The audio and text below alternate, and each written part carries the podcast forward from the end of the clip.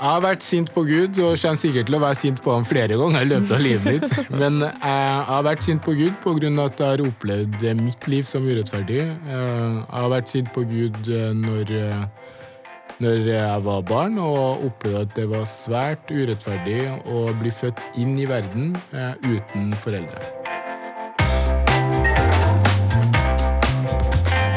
Velkommen til Sendepodkast. I dag har vi besøk av Leon Bafondoko. Og for oss som bor i Trondheim, så er Leon en synlig samfunnsdebattant og meningsytrer. Han har bakgrunn fra AUF, har hatt styreverv i organisasjoner som Røde Kors, FN-sambandet og Plan Internasjonal Norge, og nå en bystyrepolitiker for Arbeiderpartiet, og jobber som miljøveileder i barnehage. Han skriver jevnlig kronikker i aviser og en tydelig stemme for kristne verdier i offentligheten. Men veien hit har vært lang og kronglete. Leon er født i Kongo i 1998. Mora og faren var tenåringskjærester, og mora hans døde brått et par måneder etter fødsel. Faren ble han aldri kjent med. Han forsvant etter mora ble gravid. Etter mora døde, ble Leon adoptert til Kongo av den biologiske onkelen sin, som var storebror til mora. Leon kom til Norge, nærmere bestemt Klæbu, som kvoteflyktning gjennom FN i 2002. Faren for krig var over, men krigen han opplevde på hjemmebane, tok ikke slutt. I hjemmet i Klæbu opplevde han vold i hjemmet. I 2003 ble han flytta av barnevernet til en kongolesisk fosterfamilie i Trondheim. Og her fant han roa og vokste opp. Flere av dere som hører på, har kanskje hørt om fotballspilleren Mushaga Bakenga eller fredsprisvinneren Dennis Mukwege. Det er fosterbror og fosteronkel til Leon. Nå skulle man kanskje tro at det var nok prøvelser, og at livet endelig skulle roe seg ned litt, men flere ting venta. I 2003, da han var 15 år, fant leger ut at 30% av høyre lunge ikke fungerte. Leon hadde slitt med en lungebetennelse lenge som aldri ga seg, og han måtte ligge tolv timer på operasjonsbordet for å få operert bort store deler av lunga, for å unngå ondarta lungekreft.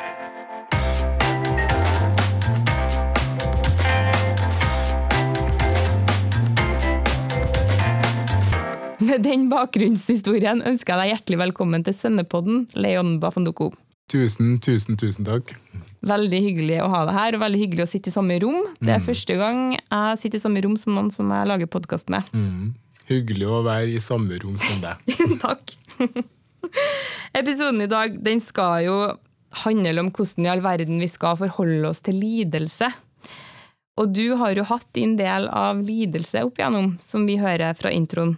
Og det første jeg får lyst til å spørre deg om, er hvordan står du fremdeles på to bein, liksom? Mm. Ja, det er jo et veldig godt spørsmål. Hvordan eh, står jeg fremdeles på to bein? Um, jeg tenker jo at uh, årsaken til det er jo rett og slett at uh, jeg har hatt gode mennesker rundt meg da, som har støtta meg når det har vært som verst i livet. Og det tror jeg kanskje også er det svaret som mange andre også kunne ha sagt hvis de kjenner seg igjen i en lignende historie. At man har hatt mennesker nær til seg som har tatt ansvar da, når andre har svikta. Eh, når andre ikke har tatt ansvar. Og for min egen del så handler det jo om mennesker som har tatt ansvar når ja, mine nærmeste ikke klarte å ta ansvar over meg da når jeg var barn og ungdom. Mm. Mm. Um, kan vi snakke litt om hvordan du har opplevd de forskjellige utfordringene, og hva som hjalp deg, og hva som eventuelt ikke hjalp? Mm. Ja, det som, eh, det som eh, hjalp, eh, hjalp, meg i mine utfordringer Det er jo en del utfordringer du har ramsa opp her nå, da, men det å f.eks. å være et barn i en alder av fire år, det er jo utfordrende for et så lite barn. Og det som har hjulpet meg, er jo at det er mennesker som så meg da når jeg var fire år, fem år gammel, eh, og kom inn i mitt liv da, eh, og hjalp meg og sa at vi ønsker å være til stede for Leon. Vi ønsker å ta han imot eh, i vår familie. Og jeg var jo så heldig og fikk en fosterfamilie. Og der var det trygt og godt. eh, for eh, et lite barn, for det var jo det jeg var, Mm. for en eh, fire-fem år gammel eh, gutt. Så det er det som har eh, vært til stor hjelp, da. Eh, Og det tror jeg er et godt utgangspunkt til å bygge et godt liv, altså at man har et godt hjem. Mm. Mm. Vi skal jo bore litt i det her med lidelse i denne her episoden. Og har du noen tanker rundt hvorfor eh, Hvorfor finnes det lidelse i verden, liksom, hvis Gud er god? Hva er greia med lidelse? Hvorfor, er, hvorfor kunne han bare skapt en perfekt verden der vi ikke hadde vært vonde mot hverandre? Ja, Stort spørsmål! veldig stort spørsmål, og det tror jeg mange lurer på. ja. Jeg tror at det er utrolig mange som lurer på, både troende og ikke-troende, hvorfor er det lidelse? Og det er jo et spørsmål som eh, alle egentlig ønsker å få besvart på noe vis, eh, og prøve å søke, søke etter og finne ut av, og undersøke, rett og slett. Og det er jo et spørsmål som både troende må prøve å svare på, men også de som har valgt å ikke tro på noe. Og jeg tror jo på Jesus, eh, og jeg tror jo på en skaper. Altså at det eksisterer noen som har skapt alt. Og jeg tror på at eh, han som skapte alt, da, eh, altså Jesus Jeg tror på at eh, når han skapte verden, så var den i hans bilde. da. Og hans bilde var rett og slett en god verden. Mm. En verden fullt av kjærlighet. da. Men så ble det ikke helt sånn, eh, på grunn av at eh, han skapte oss mennesker, eh, som han eh, ga fri vilje til. da. Mm. Altså at vi kan gjøre akkurat det vi ønsker. Så eh, vi tror jo på at Jesus er kjærlighet.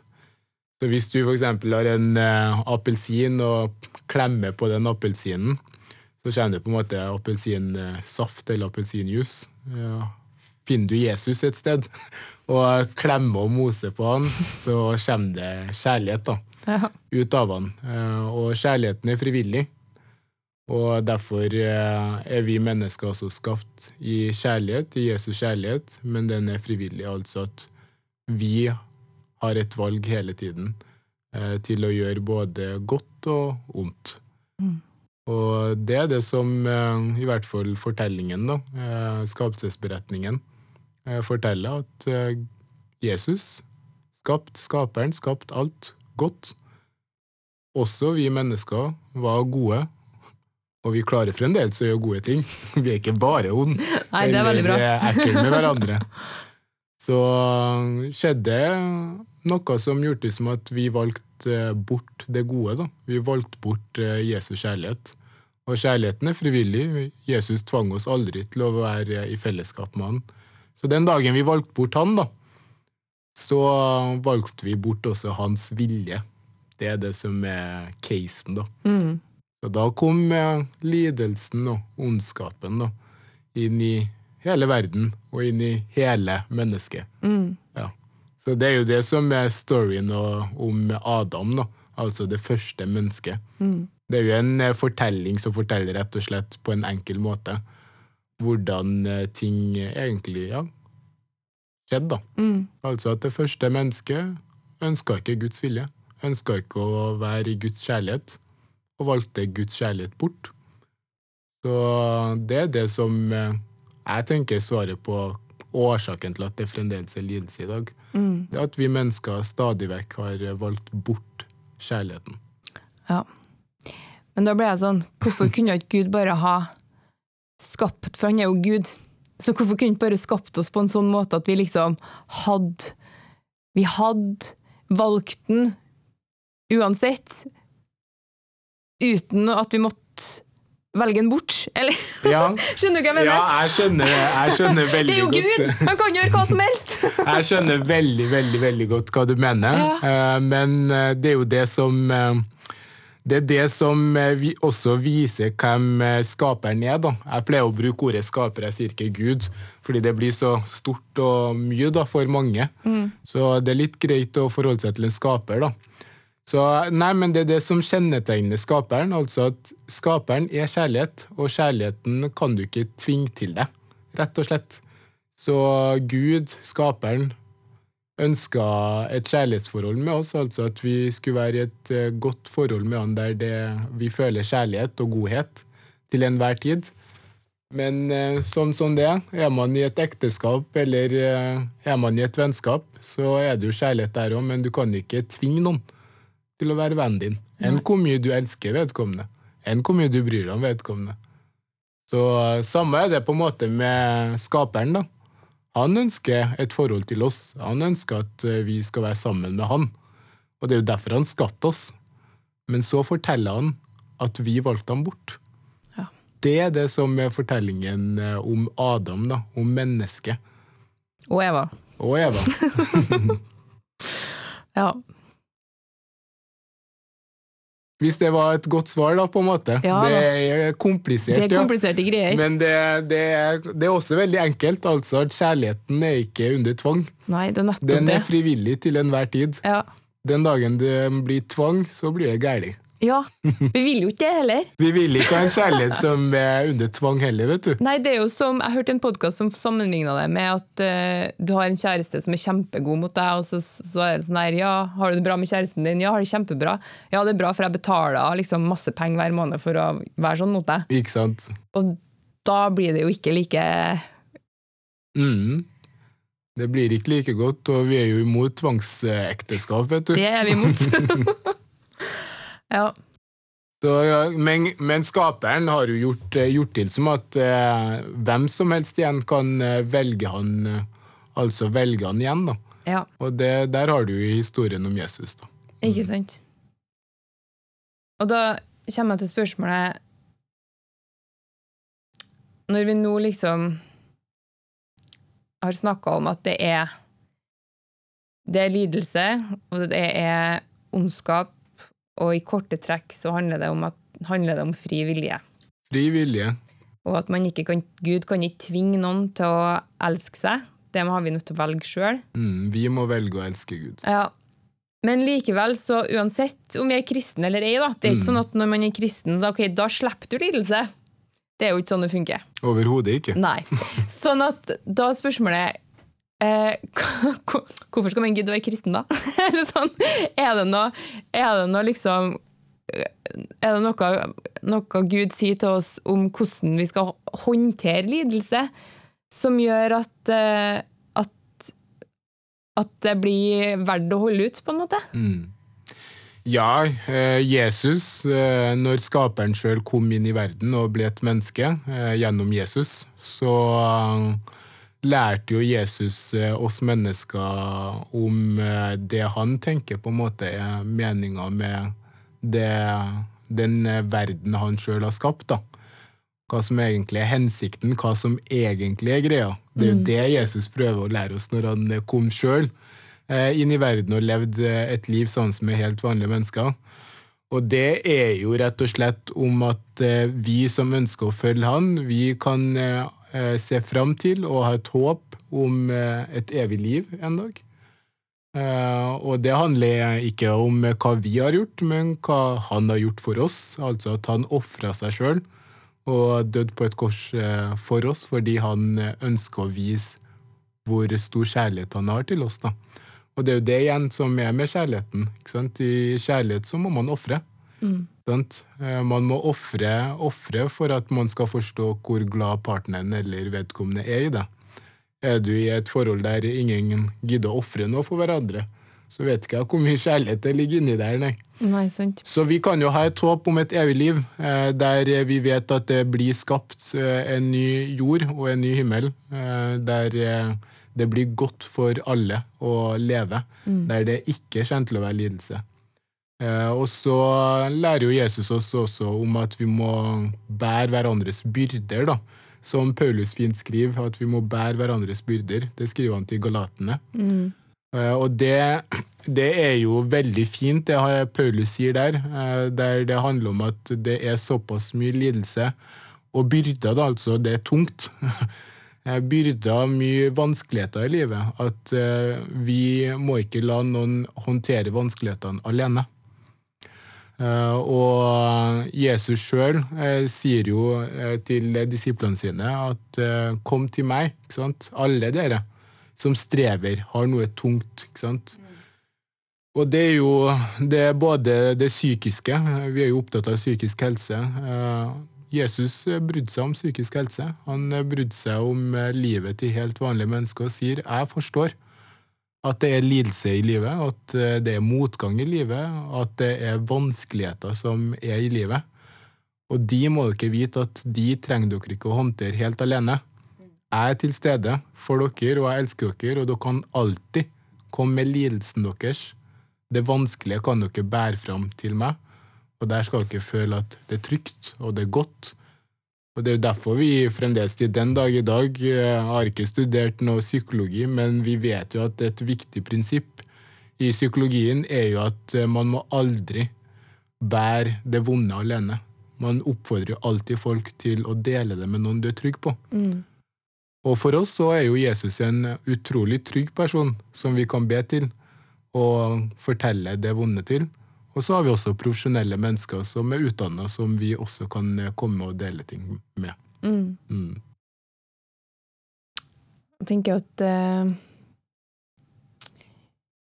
vi er jo alle Alle kommer jo til å oppleve lidelser i livet. Mm. Sånn er det bare. Sånn er og det, det står i uh, første Peter, tror jeg det står at uh, ikke bli overraska mm. når det kommer lidelse deres vei. Mm. Fordi at Jesus sjøl, han, eh, han, han leder jo masse. Mm. og han hadde jo på en måte det perfekte, eller han var jo et mm. perfekt menneske. Mm. Og han leder jo kjempemye. Og bare det å vite, tenker jeg, at vi har tror på en gud som vet hvordan det er å lide, mm. det er stor trøst i det, da det er stor trøst i det, og det er jo, det, er jo det, som eh, også på en måte er hele troen vår, eh, der eh, mange misforstår troa. Troen på Jesus, der vi tenker at uh, tror jeg på Jesus, så kommer aldri ondskapen nærme meg, eller så kommer jeg aldri til å oppleve lidelse. Uh, det, det, stemmer ikke. Da har du misforstått troen. Uh, fordi han som er sentrum i troa vår, Jesus sjøl, han opplevde lidelse. Selv han levde et liv i lidelse og døde og sto opp fra de døde. Mm. Og det er det som eh, også handler også om vårt liv. At vi òg lever her på jorda og kommer til å oppleve eh, motgang og vanskeligheter. Og en dag så møter vi òg døden. Men på grunn av at vi tror på Jesus, så vet vi og har et håp om at vi kommer til å ha et evig liv og stå opp fra de døde. Mm. På lik linje som Jesus. Og det er et stort håp, da. Mm. Og en veldig stor og sterk tro. Så det må man bare ta med seg videre, at eh, kristendommen, eller troen på Jesus, den uh, starta ikke på, med Bibelen. Den starta ikke med Bibelen at det er noen som bestemte seg at vi skal skrive noe. Nei. Starta med at det er noen som faktisk opplevde og var vitne til at eh, ett menneske, skaperen sjøl, kom inn i verden og sto opp fra de døde. Så starten på kristendommen, det er rett og slett oppstandelsen. Mm. Mm. Jeg syns bare det er fantastisk å tenke på at, at skaperen av universet valgte å komme til jorda som en flyktningebaby, mm. født utenfor ekteskap. Mm i, på, på, en flukt, liksom. Nesten. Mm. Det er helt utrolig. Det er jo en helt utrolig vakker fortelling. Uh, og jeg pleier å si at uh, Bibelen, det er, det er, jo en kjærlighetsbok, egentlig. Fordi den som er sentrum uh, gjennom hele Bibelen, det er rett og slett Jesus, og det er du. Ja. Deg og Jesus. Fordi alt Jesus gjør, gjør han for deg. Mm. Det er en eh, kjærlighetsbok som er til alle mennesker i hele verden. Mm. Om du eh, kommer fra Norge eller kommer fra Kongo eller kommer fra Kina, det er en fortelling som kommer til å treffe deg. Mm. Og det er jo det Jesus også prøver å vise da, når han sjøl levde her på jorden. Han var med Sakkeus, han, som var en toller og hadde fylt hele livet sitt med penger. Jesus møtte han, Jesus møtte uh, hun ene dama som uh, skulle nesten bli steina fordi hun hadde uh, vært utro i ekteskapet sitt. Jesus møtte henne og tilga henne. Mm. Jesus var på korset sammen med røverne, som var røvere. De hadde blitt dømt for noe de hadde gjort. men han tilga dem. Han tilga dem òg. Så det her er en fortelling som eh, er til alle mennesker, altså. Jesus bryr seg om deg. Uansett hva du har gjort. Uansett hva du har gjort, faktisk. Og det viser han gjennom hele livsverket sitt. Jeg tenker litt tilbake til lidelsen da, Leon. Fordi at hvordan sånn praktisk, da, la oss si at jeg får kreft, da. Mm. Og så Og så blir det en Det er en kjempestor eh, lidelse både for meg og for familien min. Mm. Har du noen tips? Eller sånn praktisk? Hvordan, skal man, hvordan takler man lidelse i sitt eget liv, liksom? Ja, om jeg har noe praktisk, det er, det er vanskelig å si. Jeg sjøl har jo eh, hatt en eh, dårlig helse og har dårlige lunger. Jeg lever jo kun med 70 lungekapasitet. Eh, og min lungeoperasjon som jeg hadde i en alder av 15 år gammel, var jo en skummel opplevelse for meg. Det er skummelt og utrygt for en 15-åring å vite at man skal operere et så viktig organ i kroppen. Eh, og første gangen jeg skulle ha operasjonsdag, så ble jeg jo sendt hjem eh, fra syke, sykehuset. Fordi eh, kirurgene så at jeg ikke var mentalt forberedt. Så da fikk jeg en ny operasjonsdag for å forberede meg mer mentalt. Da. Ja, du var redd. Jeg var redd. Mm. Det, det var jeg, og det tror jeg mange er eh, når det kommer til eh, egen helse. Man tenker jo at ja, du har jo familie, venner rundt deg. Men til slutt så er det faktisk veldig ensomt å være alvorlig syk. For det, til slutt så er det din egen helse, og det er du som må stå i kampen. Mm. Og mitt råd er jo rett og slett at man må bare håpe på det beste hele veien. Selv om det kan bli veldig mørkt. Og at eh, man må ikke gi opp. Det er det som er, som er store mottoet. Altså at du må, jo- du må ikke gi opp. Jeg var jo sengeliggende eh, og hadde, hadde vært i senga flere dager og mista evnen til å gå. Oi. På grunn av at musklene lå jo bare i senga. Så jeg måtte jo trene meg opp å gå, eksempel. Mm. Eh, Så jeg var jo en av dem som sa til kirurgene at nå, nå vil jeg ut. Jeg vil gå, jeg vil prøve å gå igjen. Mm. Jeg vil øve meg på å gå igjen. Og samme var det med morfin òg, som eh, ble pumpa gjennom ryggen min på grunn av smertene osv. Mm. Der òg var det ti nivåer, da. Så etter operasjonen var jeg på nivå ti. Av smerte, liksom? Eh, av eh, nivå da på, På morfin? mye på morfin. Ikke smertenivå, men på morfinnivå, på en måte som eh, skulle inn i, inn i kroppen. da. Eh, og da var jo en av dem som fortalte eh, kirurgene at jeg vil trappe ned så fort som mulig. Så jeg begynte å trappe ned til nivå 9 dagen etter, Ja. etter operasjonen. Så du må ha en stå-på-vilje, rett og slett, og tenke at det her skal jeg komme gjennom. Og det er jo det som også er fellesnevneren til de fleste som har vært gjennom vanskelige helsesituasjoner, at de sier at man må stå der og stå i det. Mm. Men opplevde du, hvordan opplevde du Gud oppi alt det her, da? Opplevde du han nær eller fjern, eller var du sint, eller hvordan var det? Jeg har vært sint på Gud, og kommer sikkert til å være sint på ham flere ganger i løpet av livet mitt. Men jeg har vært sint på Gud pga. at jeg har opplevd mitt liv som urettferdig. Eh, Jeg har vært sint på Gud eh, når, eh, når jeg var barn, og opplevde at det var svært urettferdig å bli født inn i verden uten foreldre.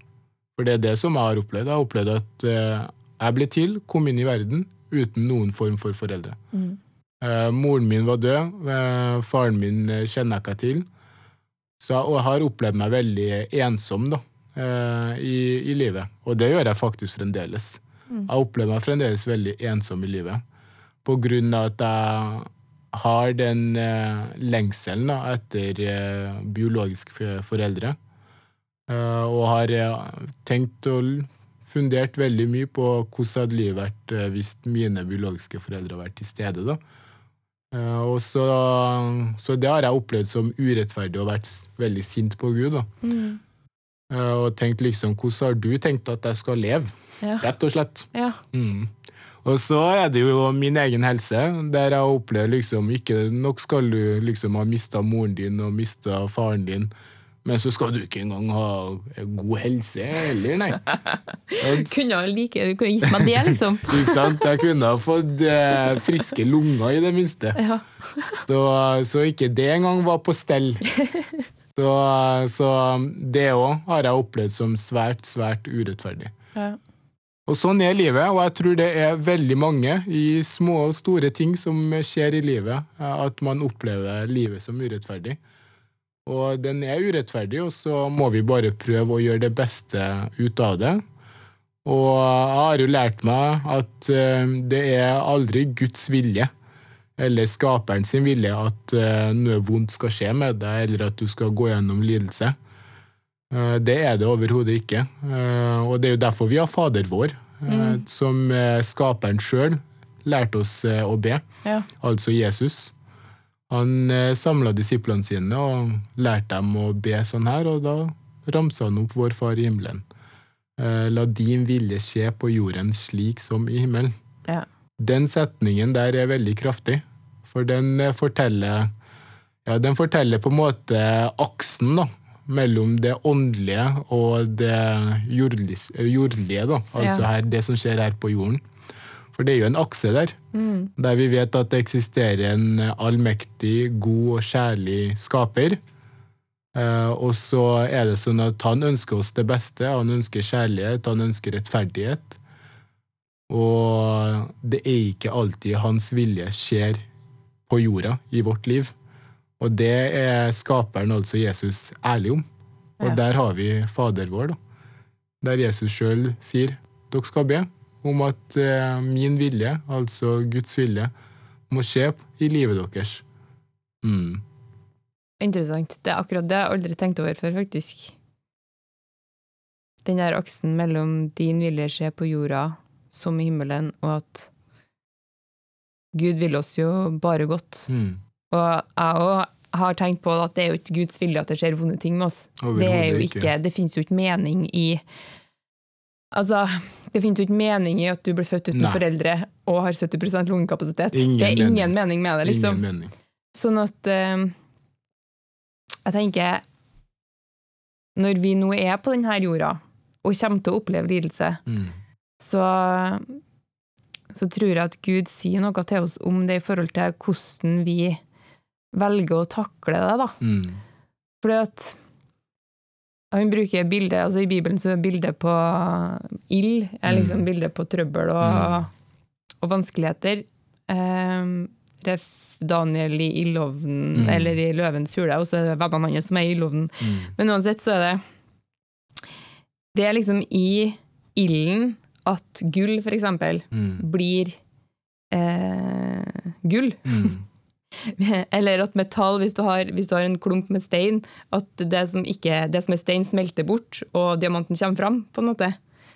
Sånn at eh, Jeg tror det er litt det samme med oss og lidelse, at hvis vi klarer liksom å skjønne at Jesus han har faktisk lidd ganske mye mer enn oss òg. Mm. Han har vært gjennom det her, og jeg har noen som jeg kan være sammen med i det her. Mm. Og hvis man da klarer å på en måte å være i lag med Jesus gjennom det, Mm. så, så blir man jo bedre kjent med seg sjøl. Mm. Og man blir jo, utvikler jo altså hvis man, hvis man går gjennom tøffe ting, så utvikler man jo masse empati. Mm. Det er masse positive ting som kommer ut ifra det òg. Man skjønner mer hvem man er. Mm. Man skjønner hva som er viktig for seg. Ja. Så det er jo ikke bare dumt heller. Nei, overhodet ikke. Og, og det er jo riktig det du sier, at eh, det, mennesker går gjennom utrolig mye vanskeligheter her i livet. Og det, det er mye her i livet som ikke gir mening, altså som ikke gir mening i det hele tatt. Eh, og det må man bare være ærlig med seg sjøl om. Eh, ofte så pleier folk å prøve å finne mening i, bak mye da, av det vonde som skjer. Men noen ganger så må man også bare forstå at det er veldig mye her i verden som eh, ikke er meningsfylt, altså som ikke gir noe mening. Fordi det er sånn verden er. At det er urettferdigheter, det er ondskap, det er lidelse. Og lidelsen, den er vond, og den er ikke meningsfull i livet vårt. Mm. Fordi vi er ikke skapt til å lide. Det er ikke derfor vi ble skapt. Vi var egentlig skapt med en helt annen hensikt, å ha et godt liv.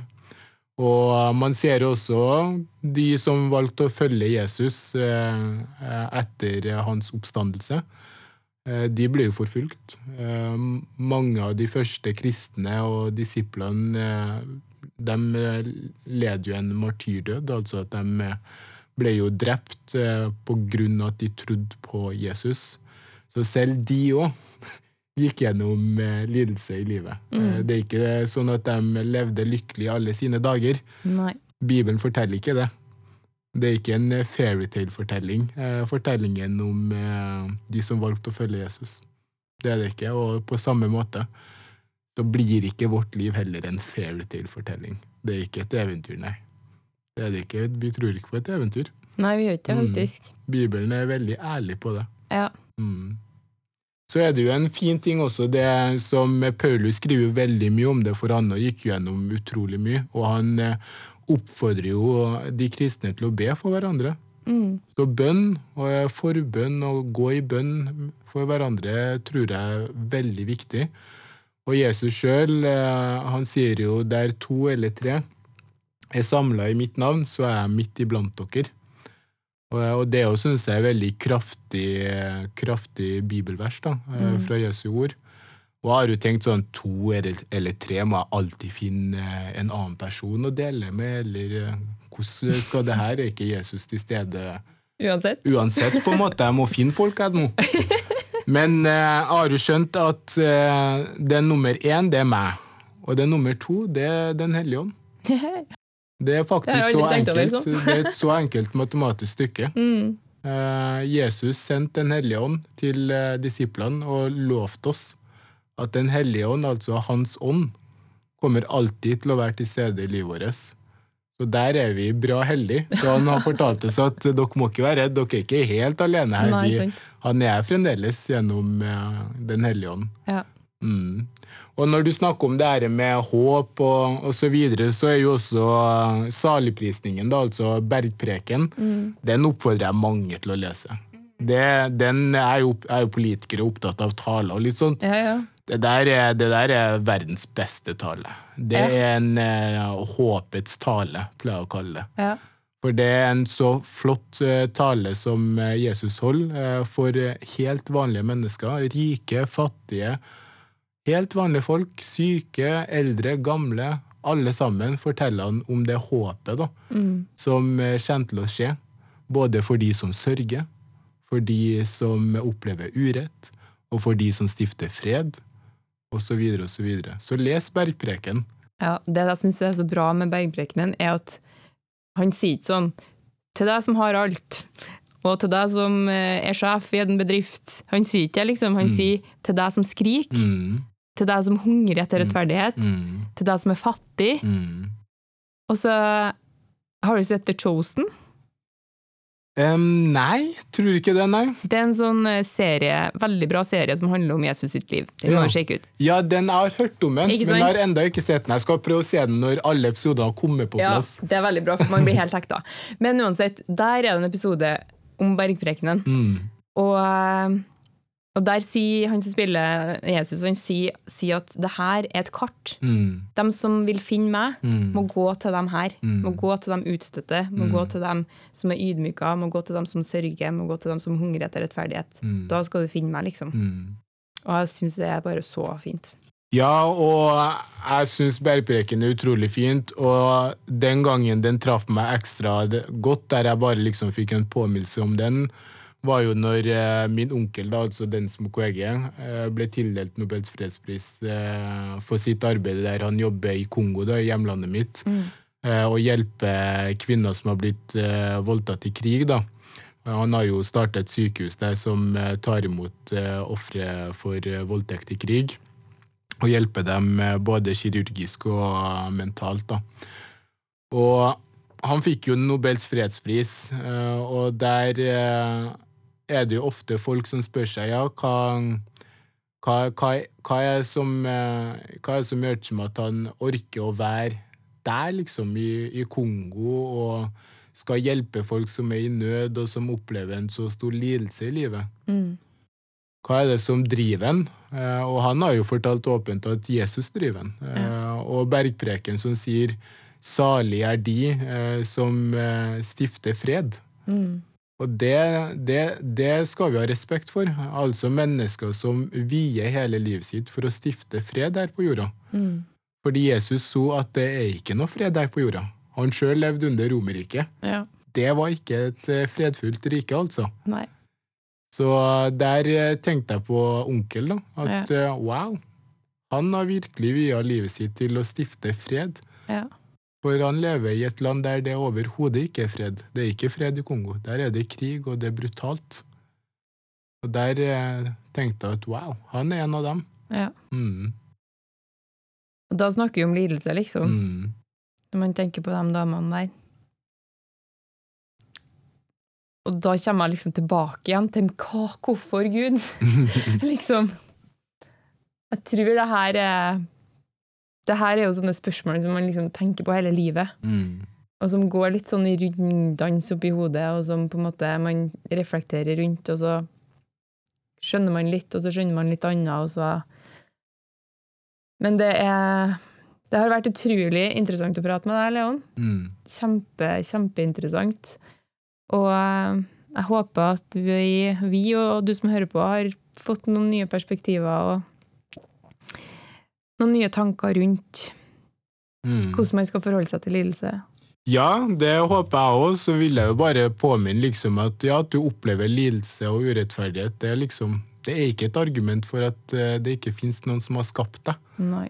Rett og slett, Det er mer et argument for at du opplever at eh, det er noe som er galt her i livet. Mm. Mm. Og da, når du, når du kjenner på at noe som er galt, så kjenner du også på at noe må være rett. Noe må være rett, Og hvor du. kommer den tanken fra? Mm. Den kommer fra Gud. Der har du det. Det tror jeg på. Virkelig. Det gjør jeg òg. Og on that note, Leon, så sier vi tusen takk for i dag, og tusen takk for at du kom til Sendepodden. Tusen takk. Takk for at du hørte på Sendepodden. Mer spennende stoff finner du på sennep.net, og du kan også følge oss på Facebook og Instagram. Sendepodden finnes i den podkastappen du bruker, og hør gjerne også på våre to andre podkaster, Alvorspraten og Bibelkvarteret. Sendepodden alt annet enn overfladisk.